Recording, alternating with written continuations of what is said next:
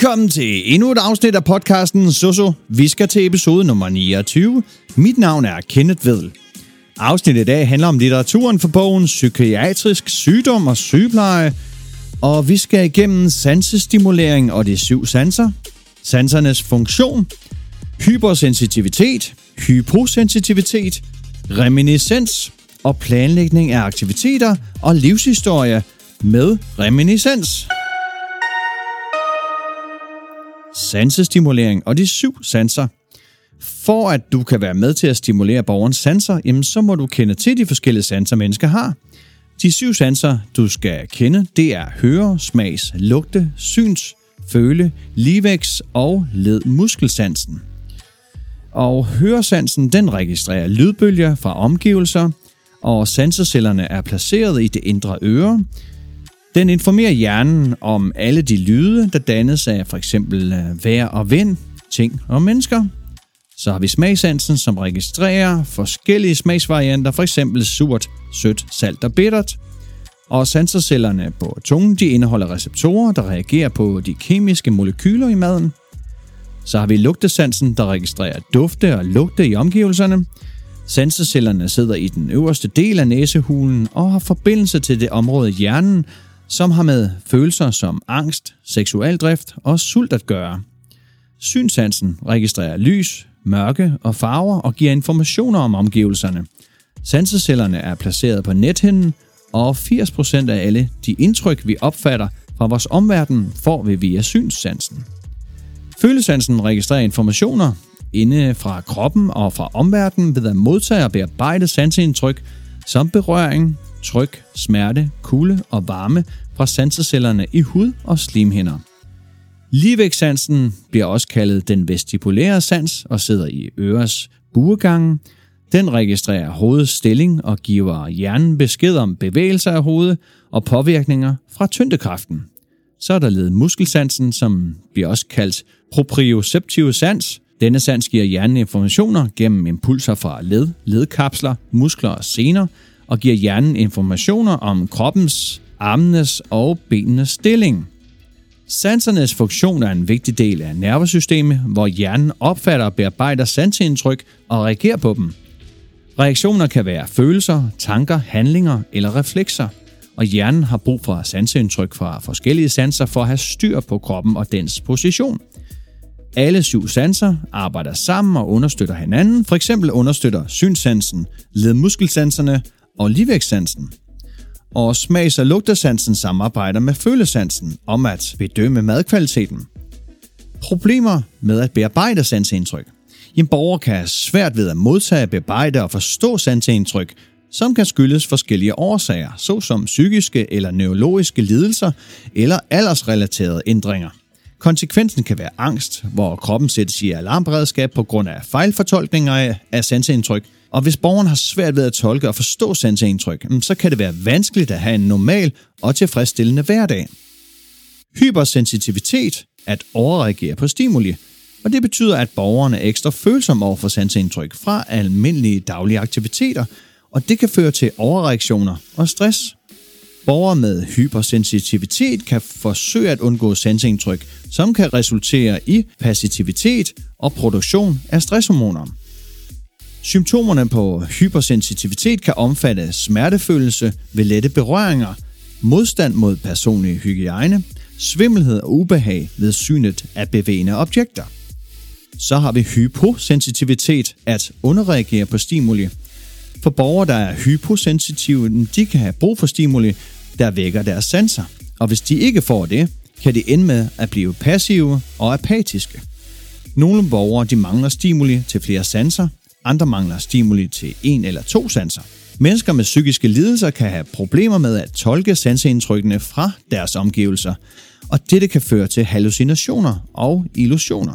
Nogle mennesker med psykiske lidelser kan have problemer med sanseintegration og kan have svært ved at sortere i sanseindtrykkene.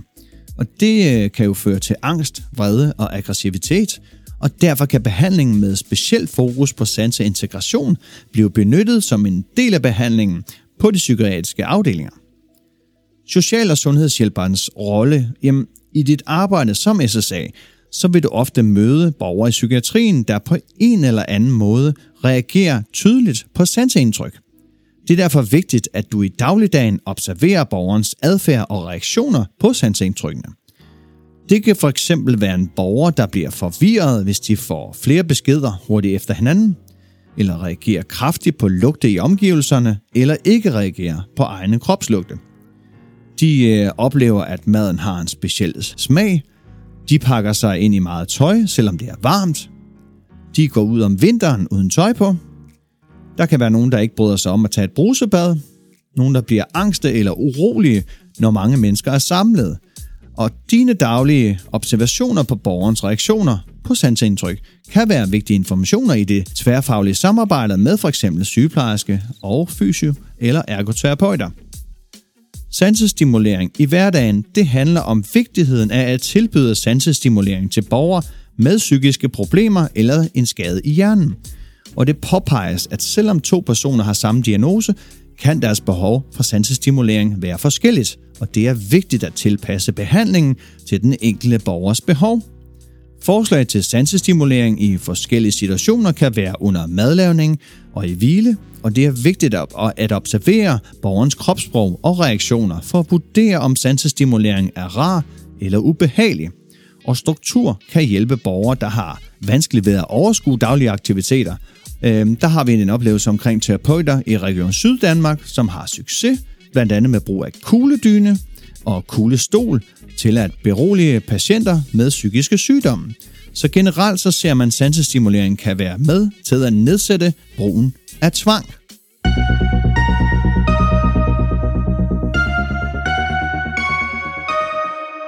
Reminiscens, som er en af de mest anvendte metoder i arbejde med demens, og metoden går ud på at stimulere erindringer og følelsesliv ved at tale om tidligere aktiviteter, begivenheder og oplevelser.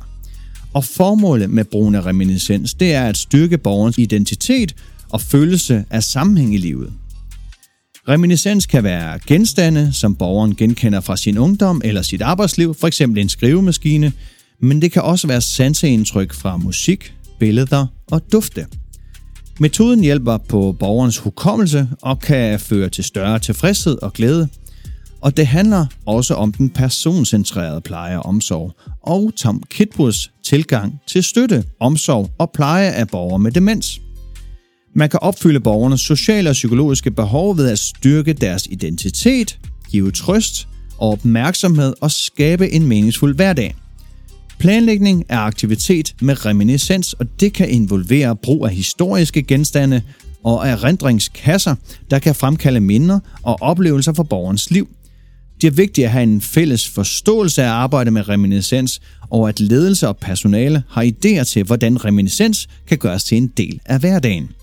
Personale skal have kendskab til borgerens livshistorie og tænke på, om borgeren vil have gavn af at deltage i aktiviteterne individuelt eller i grupper.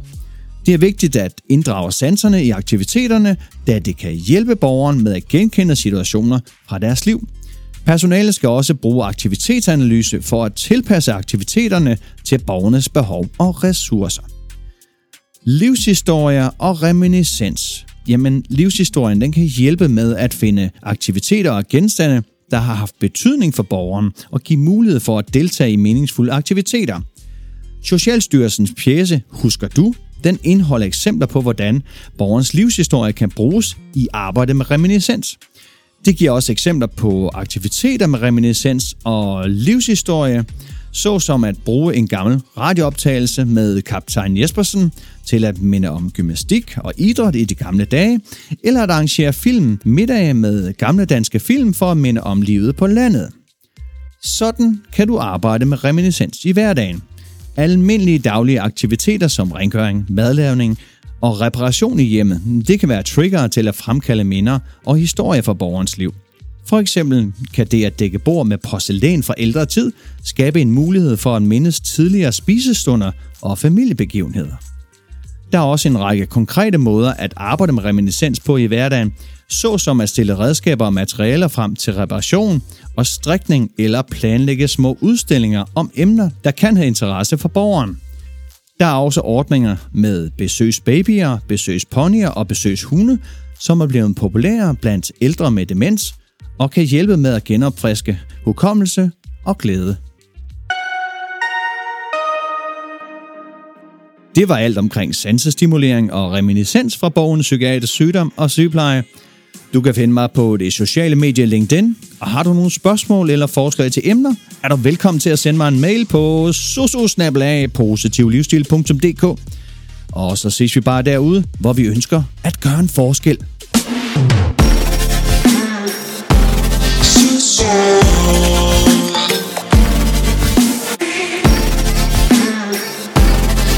So